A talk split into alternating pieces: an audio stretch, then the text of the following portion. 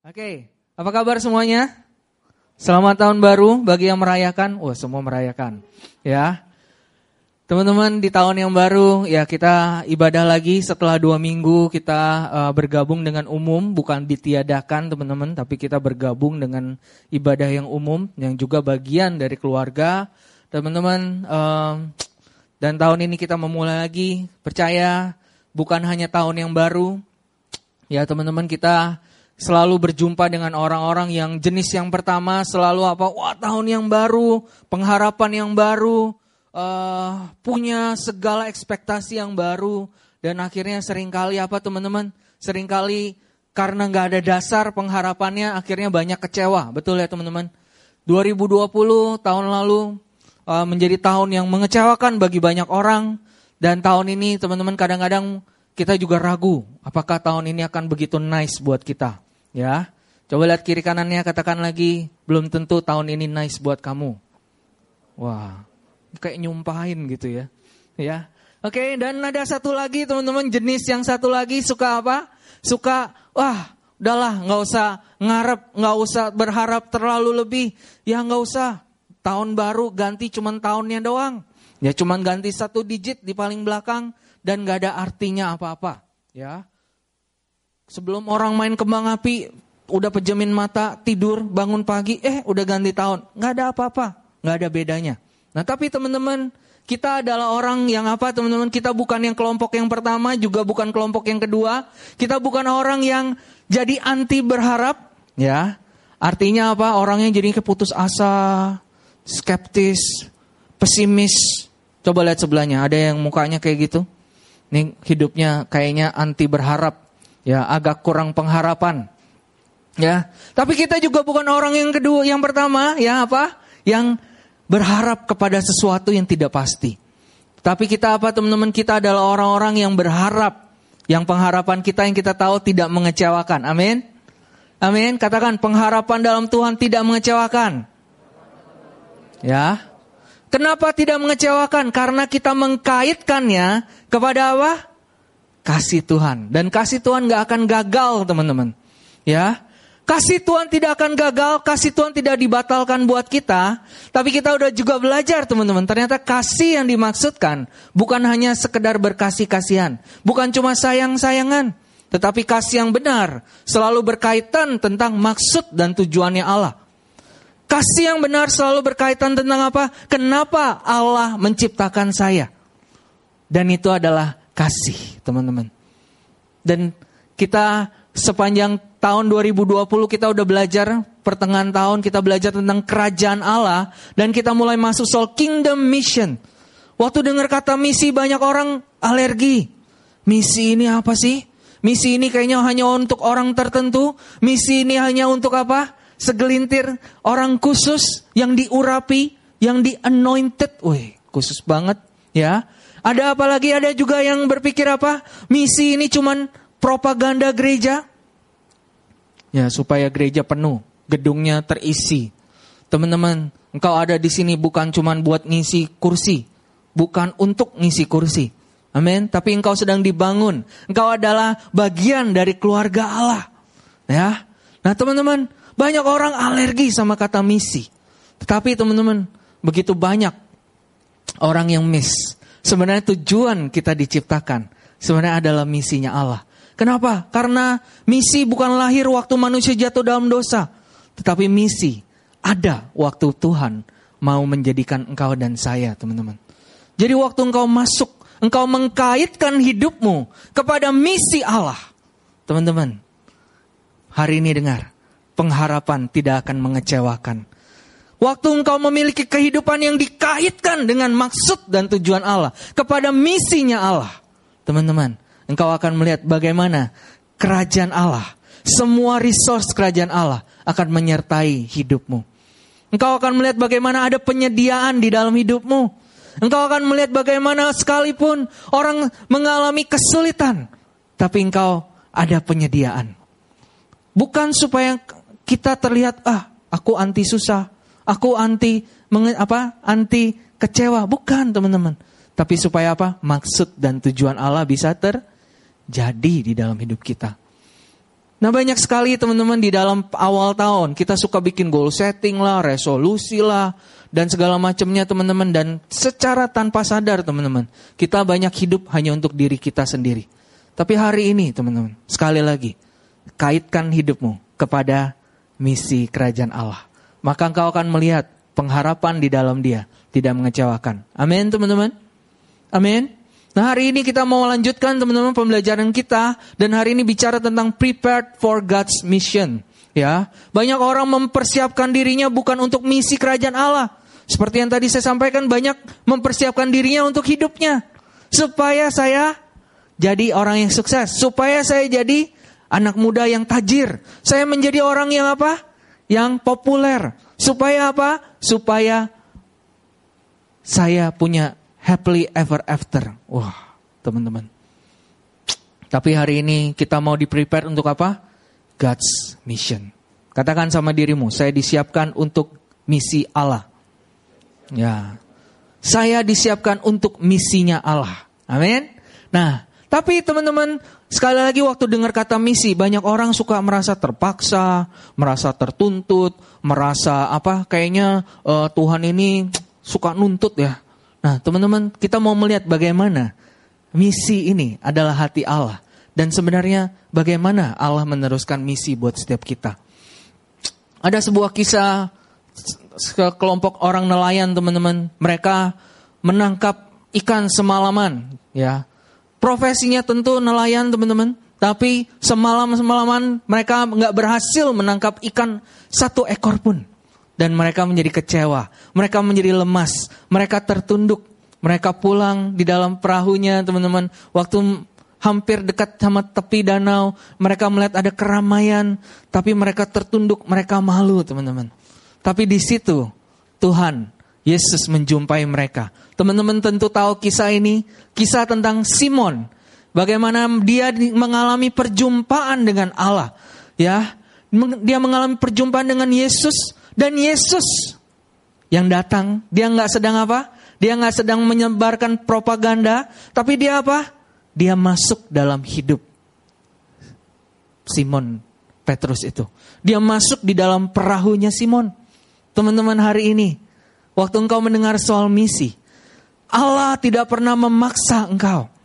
Allah tidak pernah menuntut engkau untuk melakukan misi. Allah tidak pernah menuntut engkau untuk memberikan hidupmu untuk misi. Tapi dia apa? Dia masuk ke dalam hidupmu, teman-teman. Dia masuk di dalam perahu hidupmu, ya. Untuk apa dia masuk? Untuk dia menyatakan siapa diri dia. Waktu Yesus masuk dalam perahu Petrus, teman-teman, ya karena nggak enak, karena dia melihat orang ramai, akhirnya Yesus masuk. Simon pun tidak bisa melarang. Yang juga nggak pasang ongkos sewa di sana, ya udah nggak enak puhau ise ya kan? Udah ya udahlah. Ini kayaknya orang berpangkat ini kayaknya orang berstatus. Nggak apa-apa dia masuk aja. Habis itu dia ngajar khotbahnya lama pula. Ya tapi nggak boleh ngeluh. Udah khotbah lama panjang dan lebar. Selesai dipikir udah mau amin. Berharap sedikit ada persembahan buat perahu yang dipakai ya ternyata apa yang dilakukan si orang ini malah suruh apa Ayo masuk lebih dalam. Mau ngapain? Mau tangkap ikan. Eng ing eng ya. Ya, ternyata dia mulai melihat si guru ini profesinya sebelum jadi guru kayaknya dia tukang kayu. Kayaknya ini apa mandor, betul ya? Kayaknya ini apa? Ya tukang bangunan. Kenapa? Tangannya mungkin kapalan. Kapalannya beda sama kapalan nelayan. Tahu kapalan teman-teman? Ya, yang apa tuh? kulit yang keras itu, ya. Si Simon lihat, ih, mau tangkap ikan. Ini udah siang, Mas Bro. Ya, nggak mungkin bisa ketangkap ikan. Tapi ya sudahlah. Dia bilang apa? Ya udah, guru, karena engkau yang menyuruh aku. Tahu kata guru epistates. Ini tukang suruh. Nah, Petrus waktu itu Simon teman-teman, dia cuma ngeliat apa ngalamin apa? Disuruh-suruh. Teman-teman, Berapa banyak juga dari kita. Jangan-jangan kita melihat Tuhan ini cuma tukang suruh. Cuma tukang apa? Tukang nuntut. Tukang minta. Tukang nyusahin. Nah sedikit mirip sama yang di rumah. Suka apa? tukang suruh mandi, tukang suruh makan, tukang suruh apa? Belajar, tukang suruh ini, tukang suruh itu. Kalau nggak diikutin marah-marah. Ya, ke gereja sama aja, ketemu pemurid, tukang suruh apa? Tukang suruh baca Alkitab, tukang suruh dengerin khotbah, tukang suruh datang ibadah, tukang suruh datang komsel. Ya, teman-teman, di dalam hidupmu kebanyakan tukang, teman-teman. Makanya capek, makanya lelah banget. Ya, mungkin hari ini teman-teman engkau seperti itu sama Tuhan. Engkau melihat, ih Tuhan itu tukang suruh. Dengar firman juga, ih disuruh-suruh lagi. Jangan-jangan di dalam pikiran dan bayanganmu setiap kali Tuhan ngomong ditoyor kepalanya. Dengar nih, dengar, disuruh-suruh. Dan akhirnya apa teman-teman? Tapi Simon bersyukur teman-teman. Simon walaupun ngedumel, walaupun terpaksa seperti beberapa dari teman-teman di tempat ini, sekalipun terpaksa, sekalipun ya kadang-kadang nggak ngerti juga, tapi toh ya udahlah, gue lakuin aja. Dan tahu apa yang terjadi teman-teman? Terjadi mujizat. Si nelayan ini nggak pernah ngelihat ada ikan ditangkap siang hari. Apalagi dia melihat Ikan yang tangkap itu banyak sekali. Sampai perahu penuh. Dua perahu penuh. Nah di situ teman-teman. Petrus, Simon, dia mulai menyadari. Yang ada di hadapan dia bukan tukang doang. Bukan cuman tukang suruh. Tapi dia mulai melihat ini adalah Tuhan. Ini adalah kurios. Ini adalah pencipta langit dan bumi. Ini adalah orang yang berotoritas.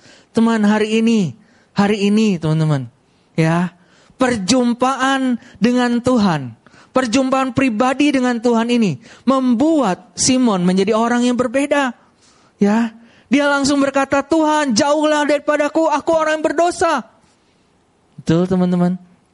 Dan coba lihat, kita akan lihat jawaban Yesus bagi Simon. Apa jawab Yesus? Dia berkata, "Jangan takut. Mulai dari sekarang engkau akan menjala manusia." Wow, teman-teman. Yesus tidak memaksa Simon. Dia disuruh menjauh dari Simon. Tapi justru Yesus berkata, jangan takut. Aku nggak marah. Aku nggak menghukum kau. Tapi dia justru apa teman-teman? Dia justru menyatakan apa yang di dalam hati dia. Dia justru berkata kepada Simon, Aku mau menjadikan kamu penjala manusia. Ikan itu nggak ada apa-apanya. Tetapi apa yang aku punya itu lebih dahsyat. Teman-teman, hari ini waktu engkau berjumpa dengan Tuhan, engkau akan mengerti bahwa Tuhan yang memanggil hidupmu. Teman-teman, bukanlah Tuhan yang pengen diuntungkan sama hidupmu, tetapi justru dia sedang mengundang engkau masuk dalam kehidupan yang jauh melampaui dari kehidupan yang kau bisa capai dengan kekuatanmu. Amin, teman-teman. Nah di titik ini teman-teman akhirnya apa? Simon merespon dengan apa? Sesudah mereka menghela perahu-perahunya ke darat, mereka meninggalkan segala sesuatu lalu mengikut Yesus. Teman-teman, meninggalkan apa? Meninggalkan apa? Segala sesuatu. Adakah Yesus suruh begitu? Adakah Yesus tuntut mereka? Adakah Yesus berkata begini, Simon, ikut aku. Kalau enggak, mulai hari ini semua jala yang kau pakai enggak akan pernah didekati ikan. Kalau kamu enggak ikut aku. Apakah Yesus berkata seperti itu? Enggak, teman-teman. Dia enggak pernah menuntut. Dia tidak pernah menuntut. Tetapi perjumpaan dengan Yesus mengubah Simon. Kenapa perjumpaan ini penting, teman-teman? Ini adalah bagian bagaimana kita sedang dipersiapkan buat misi kerajaan Allah. Tapi bukan hanya perjumpaan teman-teman. Nah masalahnya banyak orang ngalamin perjumpaan pun dianggap nggak berarti. Ya, saya percaya di dalam kehidupanmu teman-teman, engkau sering mengalami perjumpaan dengan Tuhan. Amin. Dulu sebelum saya bertobat, saya berjumpa dengan Tuhan. Tahu di mana teman-teman? Waktu saya lagi puter naik motor putar jalan, kebut-kebutan malam-malam itu. Tiba-tiba motor teman saya yang di depan dia belok sebelah kiri. Ya memang dulu kita isengnya begitu. Keliling Jakarta tanpa tahu tujuan. Pokoknya ikut yang di depan aja. Ya, Nah masalahnya yang di depan ya saingan Valentino Rossi ya. Dia mau belok kiri dia ke kanan dulu. Ya, dia ke kanan saya masuk, eh dia langsung banting. Tahu apa yang terjadi teman-teman? Ya, yang terjadi adalah saya terbang sekitar berapa detik teman-teman. Saya berjumpa dengan Yesus di situ. Saya berjumpa, saya berjumpa dengan Tuhan sebenarnya. Ya, wah jatuh. Habis itu apa? Ya saya sedikit rada dodol teman-teman. Oh nggak apa-apa nggak apa-apa. Oh jalan lagi ngebut lagi. Pas jalan tiba-tiba putih semua. Ya shock teman-teman. Habis itu oh berhenti berhenti berhenti. Di situ sebenarnya saya mulai berjumpa teman-teman. Saya mulai sadar hidup saya. Hidup saya itu begitu fragile. Saya mulai berjumpa. Tetapi saya mengabaikan. Saya masih nggak peduli. Saya nggak saya nggak mau cari Tuhan. Sampai saya ingat satu waktu teman-teman di ujung kelas di lantai tiga di sekolah saya di Jakarta di pinggir danau. Ya sekolahnya keren Riverside. Ya maksudnya sebelah kali teman-teman. Ya kalau meluap sedikit kita tepuk tangan. Kenapa? Ya nggak usah sekolah teman-teman. Karena sekolahnya kebanjiran Riverside teman-teman. Ya. Tapi di ujung situ teman-teman. Saya dengar sebuah firman tentang Bapak yang begitu mengasihi saya. Dan di situ saya percaya itu bukan penglihatan lahiriah. Hanya penglihatan yang ada di pikiran perasaan saya. Saya melihat di situ Bapak berkata, Alung, aku ada buat kamu. Dia membuka tangannya dan dia berlari kepada saya. Waktu itu saya nggak ngerti. Saya belum baca tentang kisah anak yang hilang. Saya nggak ngerti. Bapak itu lari. Dan buat saya urusannya apa? Nggak ada penting-pentingnya Bapak lari. Tapi Ternyata di situ teman-teman, Bapak berbicara sama hidup saya. Di situ akhirnya saya terima Yesus. Tahu teman-teman, perjumpaan yang demikian saya begitu besarkan. Sampai akhirnya mengubah hidup saya. Tapi saya melihat sepanjang perjalanan, saya menemukan banyak teman-teman saya. Dia ngalamin perjumpaan dengan manifestasi lebih dahsyat. Wah, didoain muntah satu ember. Nggak berlebihan teman-teman, beneran. Ya embernya emang kecil sih, ya kan? ya, teman-teman bayanginnya udah satu ember gede ya kan? Itu satu isi perut keluar. Enggak ini kecil, memang kecil teman-teman. Wah, udah buah. Terus apa? Ada yang bertobat karena ngalamin kesembuhan. Ada yang bertobat karena ngalamin Tuhan menjawab doanya. Ada yang bertobat gara-gara apa? Rumahnya, bukan rumah, tetangga rumah tetangganya kebakaran. Dia berdoa, Tuhan jangan, jangan. Ih, apinya lompat. Lompat, lewatin rumah dia. Ih, dia bertobat. Saya di dalam hati, ih gue ngiri deh. Coba gue ngalamin perjumpaan kayak gitu, gue pasti lebih radikal. Tapi tahu teman-teman dalam perjalanan saya, saya menemukan banyak orang ini akhirnya apa? Banyak kecewa teman-teman. Banyak kecewa. Kenapa mereka seperti itu? Karena mereka tidak dipersiapkan. Karena mereka, walaupun mereka berjumpa, tapi mereka nggak apa? Mereka nggak belajar ikut Yesus. Karena dikatakan di dalam ayat ini teman-teman, barang siapa melayani aku, ia harus apa? Mengikut aku. Di mana aku berada, di situ pun pelayanku akan berada. Barang siapa melayani aku, ia akan dihormati Bapak. Teman-teman, berapa banyak dari kita Berapa banyak dari engkau telah mendengar banyak kisah orang-orang ngalamin Tuhan, ngalamin Tuhan. Mereka masuk pelayanan, mereka memberikan diri, mereka memberikan waktunya, mereka memberikan uangnya. Tapi akhirnya banyak kecewa. Dan mereka mulai berkata, ih pelayanan ini kok rusak, pelayanan ini kok kacau. Ih ternyata ini dan itu. Teman-teman ternyata banyak dari teman-teman saya itu. Mereka mungkin ngalamin Tuhan perjumpaan sama Tuhan, tapi mereka nggak belajar mengikut Yesus. Mereka maunya melayani seperti mau-maunya dia. Teman seandainya engkau masuk ke dalam sebuah kafe, engkau mau pesan minum, kak pesan honey dew lemon. Itu apa sih honey dew lemon? Terus pelayannya bilang, uh, honey dew lemon. Uh, apa ya sebentar ya. Ya itu uh, pak yang agak transparan begitu. Rasanya apa? Uh, kayaknya rasa gurih gitulah honey dew lemon ya kan? Ya uh, kayak apa ya minumannya? Uh, kayak bandrek. Nah teman-teman apakah honey dew lemon sama bandrek sama? Oh nggak ada yang tahu juga di sini. Ya udah nggak apa-apa. Mungkin saya contohnya terlalu susah ya. Di Amerika kali gitu ya kan. Nggak bercanda. Maksudnya gini teman-teman, banyak dari kita mau melayani, mau ngikut, mau berkata ikut Tuhan, tapi nggak pernah bersedia dipersiapkan. Maunya melayani Tuhan sesuka-sukanya saya. Yang penting kan gue udah memberi. Ih, gue udah kurang apa gue melayani? Gue udah beri. Semua nggak ada yang mau jadi ketua panitia. Gue yang mau. Wih, sibuk 24 jam waktunya. Tapi teman-teman, banyak dari teman-teman saya akhirnya menjadi kecewa dan putus asa. Ya, kenapa? Karena memang saya bukan hanya butuh perjumpaan, tapi saya juga butuh persiapan. Katakan perjumpaan dan persiapan. Ya, boleh kita baca kalimat ini sama-sama teman-teman? Ya, satu, dua, tiga.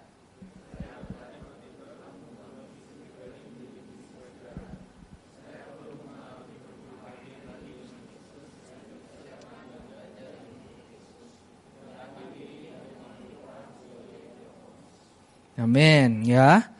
Saya nggak bisa tiba-tiba mengubah misi pribadi jadi misi kerajaan Allah. Nggak bisa tiba-tiba kita dari orang egois menjadi orang yang selfless. Nggak bisa. Nggak bisa teman-teman. Ya, tapi saya butuh dua hal. Saya butuh perjumpaan pribadi. Saya nggak bisa nebeng artinya. Pribadi personal itu artinya nggak bisa nebeng. Kenapa kamu melayani Tuhan? Kata Koveri, ya this is the way. Kata Koveri ini adalah jalan terbaik. Wih, saya lihat Koveri ya. Dia memberi hidupnya habis-habisan. Wih, sekarang hidupnya enak juga. Dapat istri cantik, ya kan? Sebentar lagi punya anak. Kayaknya nggak jelek-jelek juga ikut Tuhan. Mau lah, kayak begitu. Ya, Koveri juga tambah ganteng setiap hari. Ya, sudahlah tentang Injil Ferry, ya kan? Kayaknya enak ikut Tuhan. Kayaknya oke. Nah, teman-teman, iman nggak boleh nebeng. Engkau butuh personal, perjumpaan. Nah, memang banyak yang kayak gitu. Butuh dua, perjumpaan dan persiapan. Tapi banyak juga orang nggak ada perjumpaannya. Tapi dia apa? Dia mau melayani Tuhan. Akhirnya apa? Kecewa teman-teman. Kecewa.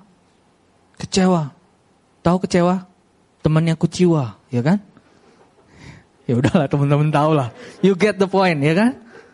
Banyak kecewa dan mulai berpikir, ih Tuhan ini cuma nuntut. Tuhan ini cuma mau ada maunya aja sama saya. Tuhan ini tukang peres. Tuhan ini kayak tukang tagi. Ya, dengar firman langsung apa lagi yang mau ditagi? Tahu apa lagi?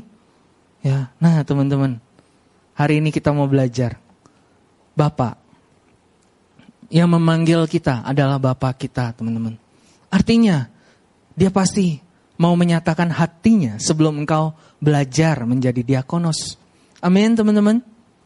Ya, nah kita mau belajar bagaimana kisah perjumpaan ini teman-teman. Ya, kita tahu tiga setengah tahun kemudian Simon dan teman-temannya yang kebanyakan nelayan juga akhirnya apa? Ya Yesus sudah mati, Yesus sudah bangkit tapi belum ketemu sama mereka. Ya mereka kehilangan arah, sebelas rasul ini ya pangkatnya rasul, tapi semuanya kebingungan, semua lihat-lihatan teman-teman, dan mereka bingung. Yesus katanya udah bangkit, tapi kok Yesus nggak ketemu kita ya? Kita ini apa? Apakah kita diabaikan? Apakah kita dibuang? Apakah kita dilupakan? Jangan-jangan Yesus marah sama kita. Gara-gara apa? Waktu itu beneran Yesus ditangkap dan kita lari. Jangan-jangan Yesus marah, membatalkan pilihannya atas hidup saya. Ya, teman-teman, sebelas rasul ini mereka tertunduk di danau Tiberias, bukan di danau, di, di tepi danau Tiberias. Mereka tertunduk, mereka suntuk, mereka bingung. Dan akhirnya apa teman-teman? Petrus yang katanya pemimpin. Dia bilang apa? Wah, gue mau jalan. Mau ke mana bro? Mau nangkap ikan. Wah, ada visi ini orang. Ya, tahu visinya apa? Laper. Jadi apa? Dia mau tangkap ikan. Nah dia pikir apa? Wah tiga setengah tahun yang lalu gue terakhir nangkep ikan. Luar biasa banget. Dua perahu penuh. Betul ya? Nah sekarang mereka mau menangkap ikan apa yang terjadi? Justru sama lagi nggak nangkep apa-apa. Tiga setengah tahun setelah ikut Tuhan, setelah meninggalkan segala sesuatunya. Sekarang tanpa Tuhan, tanpa pemimpin, tanpa visi, tanpa ikan. Dan apa? Tanpa kekenyangan. Wah, teman-teman tahu kalau lapar orang jadi ganas. Ya, apalagi sebelas para pria ini, teman-teman. Ya, mereka tertunduk lemas. Ya, mereka kembali. Tapi teman-teman perhatikan, di titik ini Yesus menjumpai mereka. Teman-teman, hari ini mungkin kau adalah orang yang seperti yang tadi saya sampaikan. Engkau pernah ngalamin perjumpaan sama Tuhan. Tapi engkau udah been there, done that. Gak mau lagi. Gak mau lagi lah pelayanan. Gak mau lagi lah memberi diri. Gak mau lagi lah sungguh-sungguh. Gak mau lagi lah baca Alkitab. Gak mau lagi lah memberi diri melayani orang. I just live for myself. Ya. Karena engkau pikir ikut Tuhan ya akhirnya kandas semuanya. Tapi di sini Yesus justru menjumpai mereka. Apa yang kau butuhkan? Engkau bukan butuh pengajaran yang lebih spesial. Engkau hanya butuh berjumpa lagi dengan Tuhan. Karena di dalam perjumpaan ulang ini, Yesus apa yang dia lakukan teman-teman? Melalui perjumpaan ulang ini. Kenapa dikatakan perjumpaan ulang? Ini bukan perjumpaan terakhir. Kayak sinetron aja. Perjumpaan awal, perjumpaan terakhir. Enggak, ini perjumpaan ulang. Artinya kalau engkau butuh mengulang perjumpaan ini, engkau butuh ngalamin lagi teman-teman. Yesus dalam perjumpaannya dia meneguhkan kembali kepada murid-muridnya bahwa Bapak peduli dan Bapak tidak pernah meninggalkan mereka. Teman-teman, sekali lagi, mereka dalam kekacauan, mereka dalam situasi yang kayaknya masa depan suram. Tapi di situ Yesus dalam rupa yang mereka belum kenal. Mereka di tepi danau itu Yesus memanggil mereka. Hai anak-anak, Adakah kamu mempunyai lauk pauk? Ya, teman-teman, perhatikan. Sebelas pria kelaparan, kepanasan, pulang dengan gagal, gak ada ikan sama sekali. Terus ada yang nanya, ada lauk pauk? Teman-teman kira-kira responmu apa? Wah, yang ganas tambah ganas. Betul ya teman-teman? Mungkin jawabannya adalah bukan tidak ada. Jawabannya apa? Gak ada. Mungkin kalau ditambah, lu gak punya mata ya? Gak ada, lapar. Ya, teman-teman. Kenapa ini penting teman-teman? Yesus bertanya, adakah lauk pauk teman-teman? Mereka gak punya. Tapi teman-teman apa yang akhirnya Yesus lakukan? Waktu Tuhan akhirnya menyuruh mereka menebarkan jala ke sebelah kanan. Dan akhirnya tertangkap ikan yang begitu besar. Dan mereka mulai menyadari, ah itu Tuhan. Dan akhirnya mereka ngalamin perjumpaan kembali. Dan mereka langsung apa? Buru-buru nyampe ke darat. Dan apa yang terjadi waktu di darat teman-teman? Waktu mereka tiba di darat. Mereka melihat apa teman-teman? Mereka melihat api arang dan di atasnya ada apa? Ikan dan roti. Ini bukan fata morgana teman-teman. Ini kelaparan banget sampai fata morgana. Enggak teman-teman, ini adalah suatu yang nyata. Nah berapa banyak dari kita teman-teman. Waktu kita mendengar, hai anak-anak ada kalau pauk. Nah kita mulai berpikirnya kayak tukang suruh tadi. Kenapa? Mau minta lauk pauk lagi? Apa? Mau minta lagi? Berapa banyak dari engkau? Setiap kali ditanya sama Tuhan, ditanya sama pemurid, langsung pikirnya apa? Lu mau ambil apa lagi dari hidup gua? Ya. Ada kalau pauk? Nggak ada. Lu mau ambil apa lagi? Minta terus, minta terus. Pemurid hubungin. Ada waktu? Apa nih? Minta waktu ketemu lagi. Ya. Nggak mau gua. Teman, berapa banyak sekali lagi engkau masih mengalami engkau tidak mengenal hati Bapa. Kenapa Yesus bertanya? Kenapa Yesus bertanya?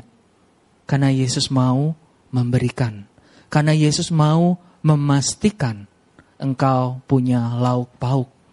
Lauk pauk ini kenapa penting teman-teman? Bagi sebelas orang nelayan ini, mereka sampai ke darat, makan roti aja cukup nggak teman-teman? Cukup, yang penting kenyang. Tapi ini lauk pauk. Artinya apa? Saya percaya ikan bakarnya Yesus enak banget. Amin. Coba aja buka rumah makan ikan bakar Yesus. pasti ekspektasinya tinggi teman-teman. Ya tergantung kalau teman-teman bakar yang nggak enak langsung bangkrut ya kan. Ya, tapi ekspektasi pasti tinggi. Saya percaya ikan bakarnya pasti enak. Ikannya pasti fresh sekali. Dan yang lebih pasti apa teman-teman? Waktu Yesus bertanya, dia nggak sedang menuntut, dia nggak sedang meminta. Nah berapa banyak dari kita sering kali berpikir apa teman-teman? Ya, waktu bicara panggilan, bicara God's mission, langsung punyanya apa? Curigation di dalam hatinya. Ya, udah lama nggak dengar kata curigation. Ya, karena orang yang memulainya udah agak sembuh dari sisi itu. Curigaan. Ya, coba lihat kiri kanannya mukanya masih curigation nggak? Ya, mencuriga terus sama Tuhan. Ya, Tuhan ngomong langsung curiga. Mau apa lagi nih Tuhan? Nah, tapi teman-teman di sini dikatakan di Filipi 4 ayat 19, Allahku akan memenuhi segala keperluanmu menurut apa teman-teman? Kekayaan dan kemuliaannya di dalam Kristus. Allah waktu dia menyediakan, dia menyediakan gak berdasarkan kebisaan kita teman-teman. Dia menyediakan bukan berdasarkan kemampuan kita. Dia menyediakan bukan karena dia butuh kita. Banyak orang suka berpikir gini, ah Tuhan butuh gue kenapa? Karena gue punya banyak uang. Gue punya kepintaran, gue punya kehebatan, gue punya kecakapan. Teman, saya mau kasih tahu, Tuhan gak butuh semua itu. Tidak berdasarkan itu, dia menyertai hidupmu. Amin teman-teman. Di titik hari ini, jumpailah hati Allah. Bahwa dia peduli teman-teman. Dia tidak pernah meninggalkan kau.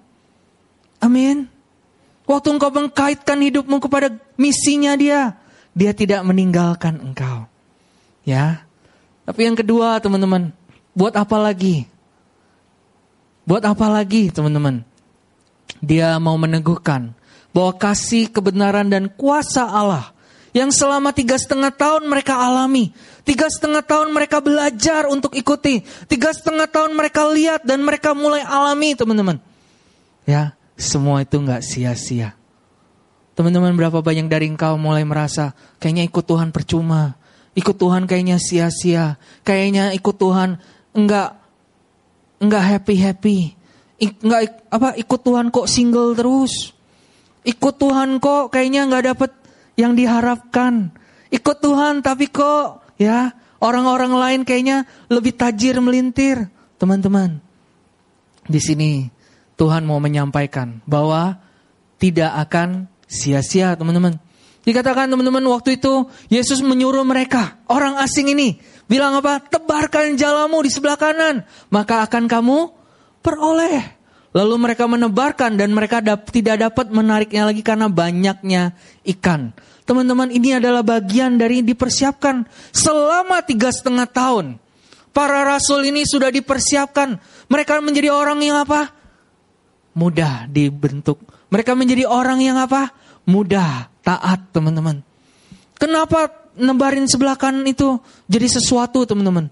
Karena ternyata menurut tradisi orang Yahudi, mereka nggak boleh menebarkan ke sebelah kanan. Dasarnya apa? Nggak ada dasar.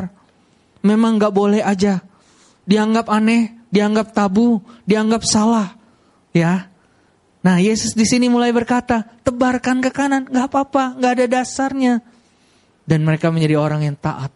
Dan waktu mereka taat, teman-teman, Yesus menunjukkan buat mereka bahwa apa? Tidak koyak, teman-teman. Simon Petrus naik perahu lalu menghela jala itu ke darat penuh ikan-ikan besar, 153 ekor banyaknya. Dan sungguh pun sebanyak itu, jala itu tidak koyak. Kenapa ini penting? Karena tiga setengah tahun lalu, jala itu hampir koyak. Tapi sekarang teman-teman, si nelayan ini teman-teman. Nelayan ini yang nulis kitab ini. Jadi kalau dia bilang besar tuh artinya besar. Kalau 153 detail banget itu artinya tangkapan yang luar biasa. Dan waktu dibilang sungguh pun sebanyak itu jalannya nggak koyak. Artinya harusnya koyak. Tetapi jo, kok enggak.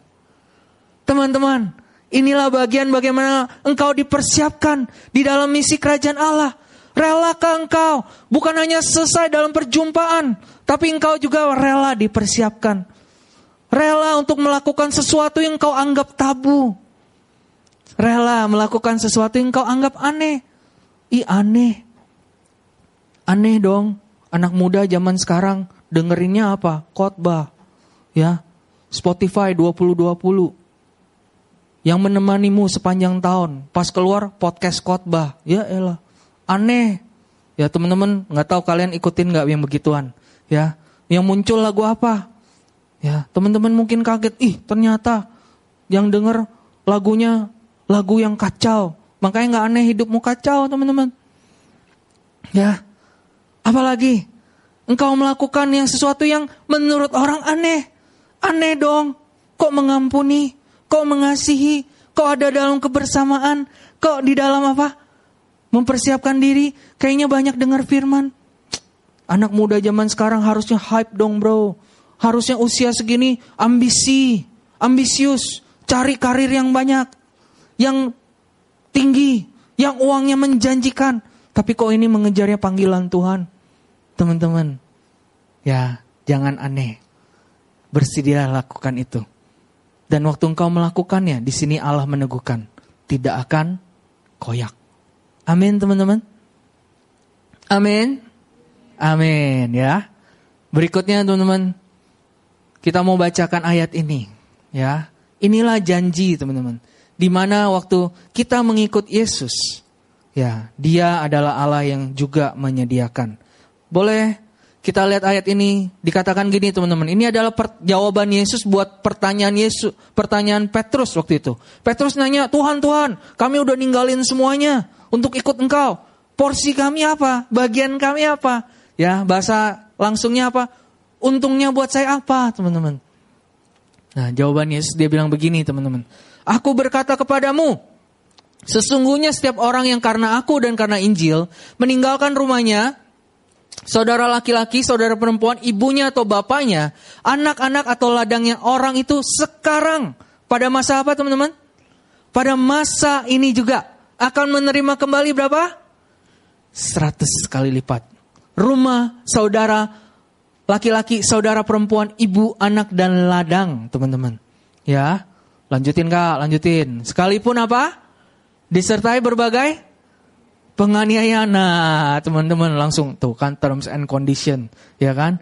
Nah, teman-teman, nah itu pikiran kita. Teman-teman, waktu engkau mengkaitkan kepada misi kerajaan Allah, sebenarnya teman-teman, engkau tidak akan kekurangan. Allah menyediakannya. Ya. Masalahnya kita pikirnya di sini apa? Ini kayak investasi. Ya. Kan teman-teman banyak yang udah mulai lulus, mulai main saham, mulai apa? kulik-kulik saham ini, blue chip, blue apa, red chip dan segala macam chip ya, mungkin potato chip ya. Teman-teman kita mainin semuanya, yang mana yang lebih menguntungkan, mana yang investor investasinya menjanjikan. Ah, ternyata co Yesus oke. Okay. Ya. Usaha Yesus oke. Okay. Ya, nggak usah. nggak usah co yang lain lah. Tahu co? Ini kerja, maksudnya usaha teman-teman. Nggak usah, co Yesus aja. Usaha Yesus bagus. Ayat ini bilang begitu.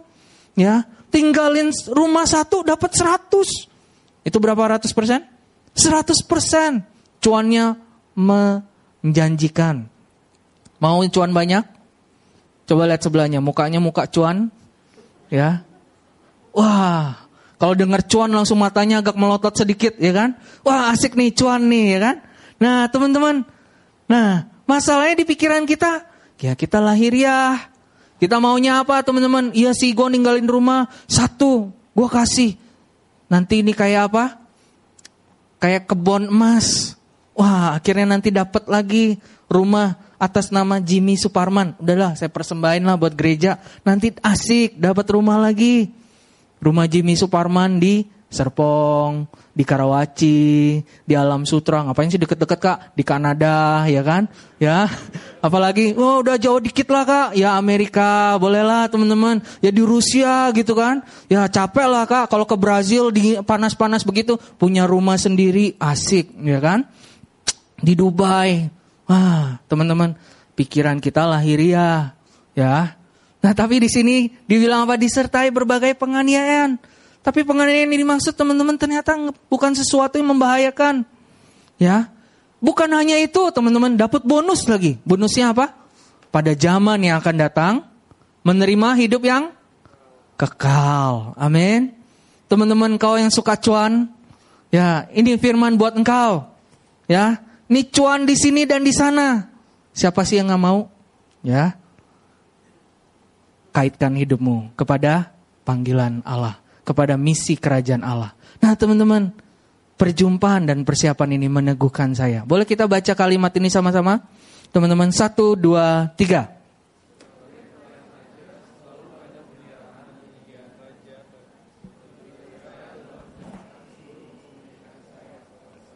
Hmm. Teman-teman sadar, waktu kita dengar ayat ini, kita suka mikirnya, ah ini ayat melepaskan, membuang, menyerahkan, mempersembahkan. Teman-teman mulai alergi. Mungkin teman-teman mulai berkata, ini gereja mata duitan banget. Ini gereja sukanya meminta terus. Teman-teman bukan itu maksudnya. Teman-teman justru di sini engkau belajar menangkap hati Tuhan. Bahwa sebenarnya yang Tuhan minta apa? Bukan minta barangnya. Tapi Tuhan minta apa? Kepemilikannya. Amin teman-teman. Sebagai pelayan raja, selalu ada pemeliharaan dan penyediaan. Semua resource-nya Allah disediakan bagi engkau. Amin teman-teman. Bagian saya, katakan bagian saya adalah menyerahkan seluruh kepemilikan saya kepada sang raja. Serahkan kepemilikanmu teman-teman. Ya, maksudnya apa sih kepemilikan? Maksudnya gini teman-teman. Seandainya, bukan seandainya, saya punya misalnya tablet ini dan saya serahkan ini misalnya ke Nikov, ya, Nikov, saya serahkan ini buatmu, ya, saya pinjemin, ini masih punya saya, ya, tolong pakai dengan baik. Teman-teman, Nikov akan gunakan ini untuk apa, teman-teman? Dia akan pakai untuk hal-hal yang sesuai dengan maksud hati saya. Betul ya, teman-teman? Betul?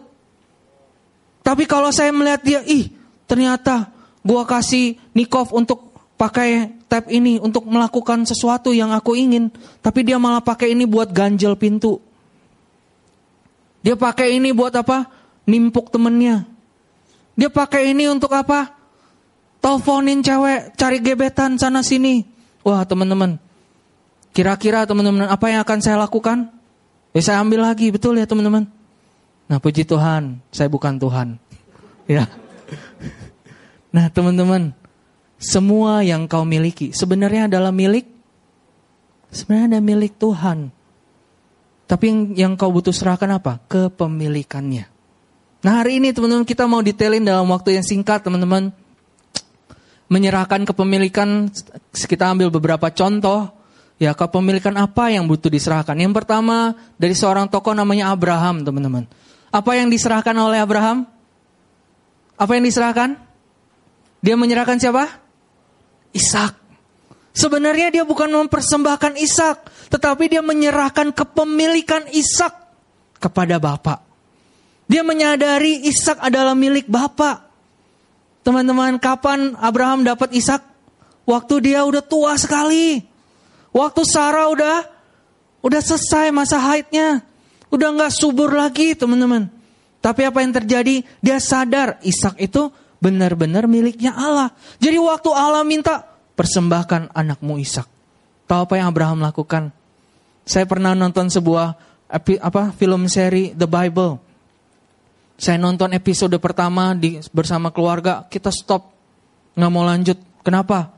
Karena kita melihat bagaimana Abraham digambarkan sebagai bapak yang apa? Dia lagi bengong, dia liatin Ishak main, tiba-tiba ada suara Tuhan. Abraham, persembahkan Ishak. Tahu respon karakter yang digambarkan di film itu dia langsung bilang, "What? No. No, God. No, please no. Please no." Akhirnya apa dengan berat hati dia tipu Sarah, dia nggak mau Sarah tahu, dia buru-buru lari dan akhirnya Sarahnya ngejar-ngejar, don't do this, don't do this, kalau tega, kalau ini. Terus Abrahamnya ngegambarin kayak ini terpaksa, dia minta, dia minta. Teman-teman, kita langsung stop. Ini nggak Alkitabiah. Tapi anehnya teman-teman banyak dari kita, saya melihat banyak anak Tuhan berespon seperti itu. Waktu Tuhan berkata, serahkan Ishak. Persembahkan Ishakmu. Hari ini teman-teman, apa Ishakmu? Ishak adalah sesuatu yang sangat berharga. Ishak adalah pengharapan. Ishak adalah gambaran simbol dari masa depan Abraham. Ya, banyak orang bahkan suka pikir, ih Tuhan ini PHP. Udah dikasih kok diambil. Kan udah dikasih, udah milik saya. Kok di, dimintain lagi? Teman-teman, waktu Allah memberikan, dia memberikan karena kasih. Dan waktu dia bertanya untuk meminta, buanglah curigamu teman-teman. Kenapa teman-teman? Karena ternyata Allah, plot twistnya teman-teman. Plot twistnya benar apa? Waktu Abraham mempersembahkan Ishak, dia kehilangan Ishak nggak teman-teman? Tidak. Dia justru mendapatkan isak-isak yang lain. Dia justru mendapatkan anak-anak perjanjian yang lain. Justru hari ini teman-teman setiap kita di tempat ini. Anak-anak perjanjian ini. Kita berani disebut sebagai anaknya Bapak Abraham. Amin teman-teman. Abraham justru mendapatkan lebih daripada apa yang dia persembahkan. Tapi teman-teman sekali lagi. Apa yang menjadi isakmu hari ini teman-teman? Apa yang menjadi sesuatu yang engkau pertahankan? Ya, Isak adalah sesuatu yang ya pemberian yang berharga. Mungkin itu pekerjaanmu, pekerjaan yang engkau idam-idamkan. Mungkin itu sahabatmu.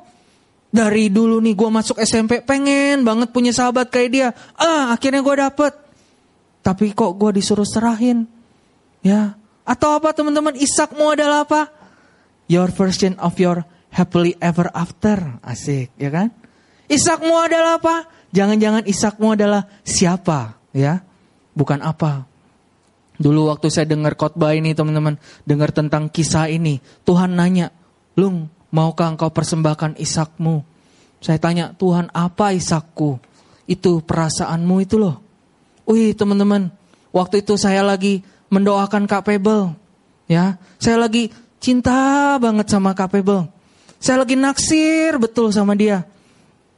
Tapi teman-teman, saya malah dengar firman begitu.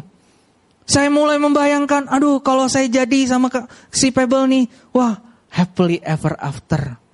Saya berpikir apa? Wah kalau bukan dia Tuhan, hidupku nggak akan bahagia lagi. Ya teman-teman, Kayaknya teman-teman agak datar, cuma saya yang galau ya kayaknya. Ya, cuman saya yang kena Injil webtoon, ya kan? Yang bilang apa? Cinta pertama tidak bisa digantikan. Wah, first love ya. Teman-teman masalahnya saya sering ketemu anak muda, Kak, cinta pertama nggak bisa dilupakan. Iya sih, iya iya iya. Terus minggu depannya, Kak, cinta pertama nggak bisa dilupakan. Bukannya minggu lalu cinta pertamamu, ternyata bukan Kak. Yang ini yang cinta pertama, ya. Nah minggu depannya lagi, ini cinta pertamanya. Nah teman-teman kena Injil webtoon. Dan akhirnya apa teman-teman? Hidupmu galau. Ya dulu waktu saya mendoakan Tuhan, Tuhan, Tuhan. Doanya apa? Tuhan kasih tahu dong. Apakah dia pasangan dari Tuhan? Tapi nggak mau dengar jawaban lain. Maunya dengar apa? Iya, ya kan? Enggak lah cuma saya doang. Kalian mah enggak. Kalian sudah tiga setengah tahun dipersiapkan, ya kan? Ya, sangat lembut hatinya. Ya, dulu saya belajar teman-teman, saya belajar menyerahkan apa yang berharga. Saya menyerahkan teman-teman. Waktu itu saya belajar menyerahkannya gimana. Dulu waktu kami masih muda, memang masa jaya kami kali ya. Ya, dulu kapabel banyak yang naksir teman-teman. Ya, dulu kalau istilah zaman dulu ada tikung dan menyalip. Saya ini udah kayak orang belajar mobil teman-teman. Ngerti maksudnya? Yang nyalip banyak. Yang nikung juga banyak teman-teman. Dulu ada tujuh orang. Plus saya. Teman-teman. Mendoakan capable. Masalahnya bukan orang jauh. Orang yang memimpin saya. ya. Orang yang saya muridkan. Anggota komsel saya. Ya ini yang angkatan lama ketawa-ketawa aja nih ya kan. Ya. Ini disalip sana sini. Kalau mau cerita, kenapa? Aku lagi naksir orang kak tolong dong. Emang kamu naksir siapa? Sama Pebble. Ya elah. Ya. Teman-teman coba respon saya gimana? Respon saya gimana? Puji Tuhan, saya responnya masih baik teman-teman. Saya nggak bilang sama dia, nggak boleh, itu bukan dari Tuhan. ya, nggak, saya nggak ngomong gitu teman-teman. Percaya nggak teman-teman? Kan udah dibilang, saya disalib terus teman-teman. Ya, saya belajar rilis. Saya belajar serahkan. Nah makanya hati-hati teman-teman kalau engkau naksir seseorang. Jangan cerita sama orang sembarangan. Ya, cerita sama orang-orang pemimpin yang sudah menikah teman-teman. Di sini kan udah banyak yang menikah. Ada saya, ada Capable, ada siapa lagi? Ada KOB, Kaila, ada Kak Ferry Kasanti, ada siapa lagi? Kak Sobi Kasarni, ada Kak David Kasela. Oh banyak teman-teman. Dulu karena nggak ada orang. Jadi ceritanya ke ke saya. Untung, oh, untung lagi, ya kan? Ya, kasih karunianya saya lempeng teman-teman. Coba saya konslet. Ya, lah kak, bukannya kakak akhirnya nikahin kapable? Beneran dong ditikung? Nggak begitu teman-teman. Waktu saya belajar, ya saya menyerahkan teman-teman. Saya rilis. Saya rilis. Sampai saya satu titik saya ingat bagaimana saya bilang sama Tuhan, Tuhan, aku nggak pacaran dan aku nggak menikah pun nggak apa-apa deh Tuhan. Gak apa-apa. Aku mengalami bagaimana Tuhan, you are the lover of my soul. Dan saya pikir-pikir ngapain juga gue punya pacar. Hanya untuk apa? Nantinya gue merongrong dia. Untuk, ya kan saya pria. Saya mau punya pacar penolong, betul ya? Penolong. Saya butuh penolong supaya saya nggak kesepian. Saya butuh penolong supaya saya nggak repot. Saya butuh penolong supaya saya tertolong. Ya elah, sewa aja pembantu mas bro. Engkau yang wanita sama aja. Kak, saya kan butuh sumber. Sumber. Ya, sumber sukacita adalah si abang itu. Sumber damai adalah si itu, ya kan? Teman-teman, buat apa engkau punya pasangan? Kalau akhirnya nanti engkau pun tidak bisa jadi penolong yang benar buat dia. Engkau pun tidak bisa menyatakan bapak yang adalah sumber buat dia. Teman-teman hari ini, justru waktu saya melepaskan Justru waktu saya merilis, teman-teman. Saya mengalami bagaimana waktu saya bangun hubungan dengan capable, kami mengalami banyak kasih karunia. Amin, teman-teman. Ya udah, khotbah LSD-nya selesai, ya. Kalau nanti mau dengar lagi nanti Februari, teman-teman. Ya, Abraham, pengharapan akan masa depan. Yang kedua apa, teman-teman? Musa. Musa menyerahkan tongkat. Tongkat ini kenapa? Karena tongkat ini satu-satunya yang dia miliki, teman-teman. Dia ini panglima, tapi akhirnya apa? Dia pergi ke, dari Mesir, dia akhirnya apa? Menggembalakan domba yang bukan milik dia selama 40 tahun. Dan akhirnya apa? Yang dia punya cuman tongkat, teman-teman. Tapi tongkat aja, yang satu ini, Tuhan pakai nanya, apa itu di tongkatmu? Nah, sama kan, cocok. Masih ada spirit of curigation di dalam hatimu, teman-teman. Waktu Tuhan tanya, apa ini tanganmu? Langsung kau curiga. Apa? Mau minta lagi. Teman-teman, lihatlah. Waktu Musa menyerahkan tongkatnya. Waktu dia tidak mengandalkannya lagi, teman-teman. Akhirnya apa yang terjadi, teman-teman? Tongkatnya menjadi tongkat Allah. Dan melalui tongkat Allah ini apa yang terjadi? Laut terbelah. Teman-teman, pastikan. Saya yakin betul itu tongkat bukan tongkat ajaib. Bukan terbuat dari batu yang jatuh dari luar angkasa. Yakin, itu tongkat biasa. Jangan-jangan Musa waktu jalan kesandung sama tongkat itu, akhirnya dia pakai. Ya, itu tongkat biasa, teman-teman. Dan dari luar pun biasa. Nah, tongkat adalah gambaran dari apa? Tongkat adalah gambaran kekuatan kita. Tongkat adalah gambaran dari hal yang memberi rasa aman buat kita. Nah, teman-teman, hari ini apa yang menjadi tongkatmu? Apa yang menjadi kekuatanmu? Teman-teman hari ini, apakah kekuatanmu adalah apa? Apa yang membuat engkau merasa aman? Engkau mungkin punya rasa. Supaya engkau merasa aman, engkau menampilkan engkau cuek. Engkau diam. Ya, diam itu kekuatannya kak. Iya, diam itu kekuatan. Coba nanti engkau punya pasangan didiemin satu bulan. Kesel nggak teman-teman? Ya, silent war.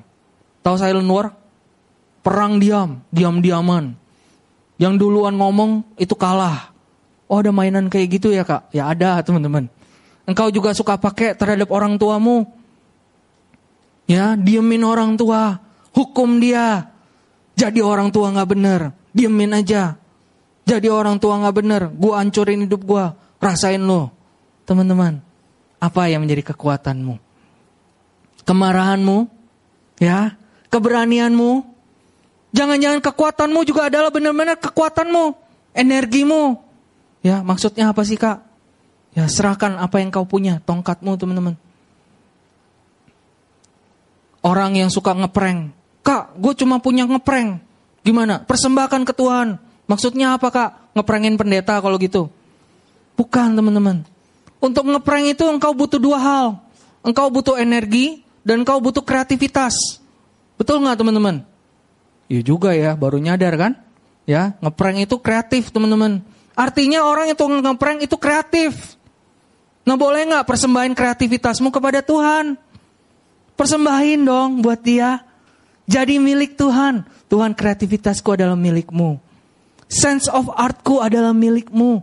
My sense of humor adalah milikmu. Jadi bercandanya jangan pakai bercanda yang nggak sesuai sama kehendak Allah. Ya, amin teman-teman. Apalagi kekuatanmu. Banyak. Kepintaranmu. Kekhawatiranmu. Hah kak, khawatir itu kekuatan. Iya teman-teman. Ada orang yang bilang sama saya, bro, gua itu kekuatannya apa tau nggak? Kenapa gua bisa kerja 24 jam nggak berhenti? Tau nggak kenapa? Karena gua orang yang paranoid.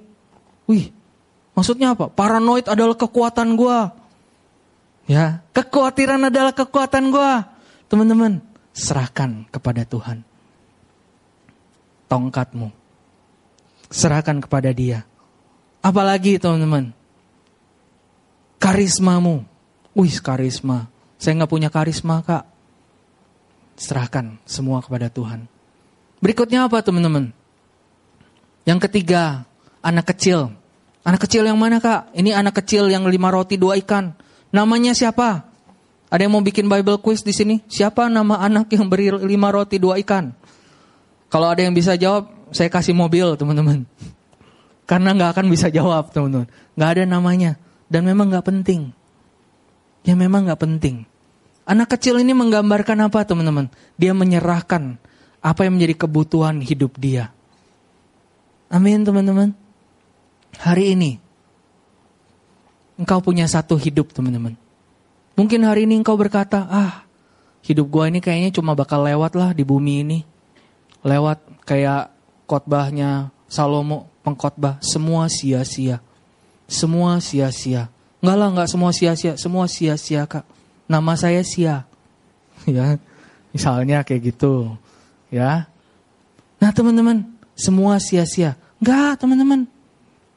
Hidupmu yang satu itu bisa berdampak. Caranya gimana? Plot twist dari semua ini sekali lagi adalah apa, teman-teman? Saya mau tanya, Abraham benar-benar kehilangan Ishak enggak? Enggak. Dia dapat anak yang lebih banyak.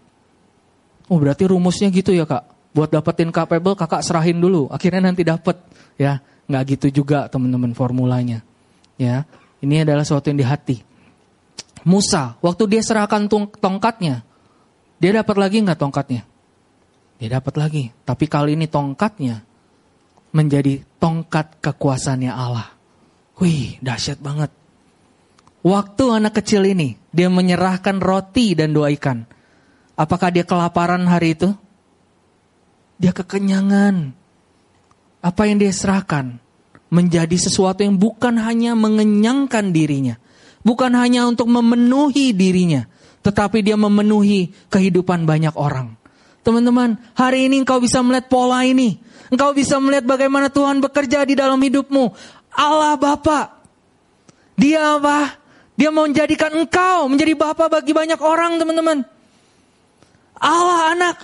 Sang firman, waktu engkau mengandalkan firman, ada kuasa yang bekerja teman-teman.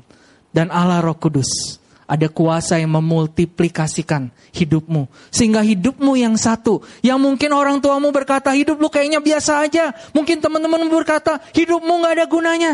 Tapi teman-teman tahu, di tangan sang raja, hidupmu menjadi sesuatu yang dimultiplikasikan bagi banyak orang engkau akan mencapai melakukan sesuatu yang jauh lebih dahsyat daripada apa yang kau bisa lakukan dengan kekuatanmu sendiri. Caranya gimana teman-teman? Serahkan kepemilikanmu pada dia. Amin. Saya mau tutup dengan sebuah ayat teman-teman karena kita mempunyai banyak saksi. Saksi kita siapa tadi tadi? Abraham, Musa, dan anak kecil itu teman-teman. Mereka adalah saksi buat kita. Mereka adalah saksi buat kita supaya kita bisa yakin bahwa waktu kita menyerahkan kepemilikan hidup kita, teman-teman, kita sebenarnya sedang diuntungkan. Amin. Marilah kita menanggalkan semua beban dan dosa yang begitu merintangi dan berlomba dengan tekun dalam perlombaan yang diwajibkan bagi kita.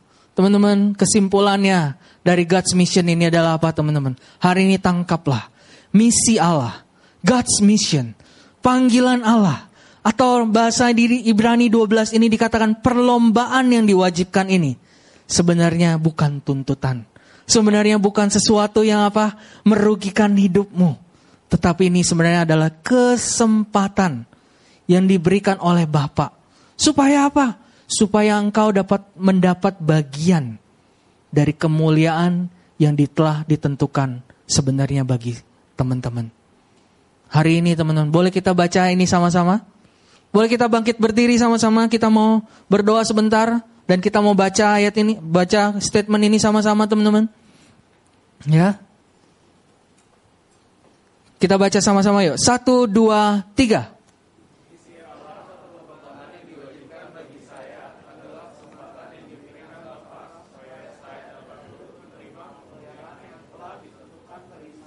Sekali lagi yuk. Satu, dua, tiga.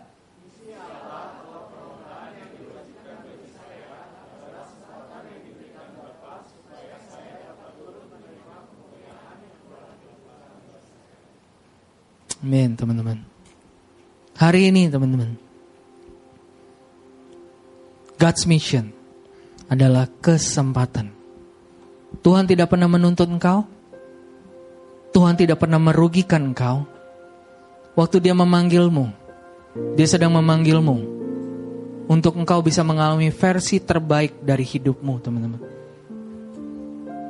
Tapi masalahnya begitu banyak orang, dia nggak pernah berjumpa dengan hati Allah itu. Dia nggak pernah membesarkan. Engkau pernah mengalami Tuhan, tapi engkau menganggapnya sebagai sesuatu yang tidak berarti. Dan akhirnya engkau mengabaikan perjumpaan itu. It's okay teman-teman. Tapi jangan begitu lagi. Hari ini engkau hanya butuh kembali berjumpa dengan dia. Kembali berjumpa kepada Bapa yang peduli atas hidupmu. Bapa yang apa? Yang mempersiapkan hidupmu. Bapa yang tidak meninggalkan hidupmu teman. Waktu dia memanggil hidupmu, dia bertanggung jawab atas hidupmu. Dan hari ini teman, pertanyaan yang sama apa yang ada di tanganmu. Dan saya berdoa siang hari ini, engkau meresponi pertanyaan ini bukan dengan hati yang curiga lagi. Apa yang ada di tanganmu, teman? Karena Bapak mau memastikan engkau menerima porsi terbaik yang telah ditentukan dari permulaan zaman bagi hidupmu. Dia mau memastikan engkau mengalami kehidupan yang sesuai dengan warisan yang sebenarnya disediakan bagi engkau. Teman hari ini, Raja yang memanggilmu adalah juga Bapa yang mengasihimu. Sambil kita nyanyikan lagu ini, saya berdoa teman-teman hari ini, you make this question very personal. Apa yang ada di tanganmu teman? Dan hari ini maukah engkau mempersembahkannya pada Tuhan? Engkau menyerahkannya sebagai milik Allah. Dan kau akan melihat di tanganmu itu mungkin sesuatu yang biasa. Di tanganmu paling hebat itu hanya bisa memuaskan hidupmu teman. Tetapi di tangan Allah itu akan menjadi sesuatu yang bisa multiplikasi sampai banyak orang bisa mengalami Kristus.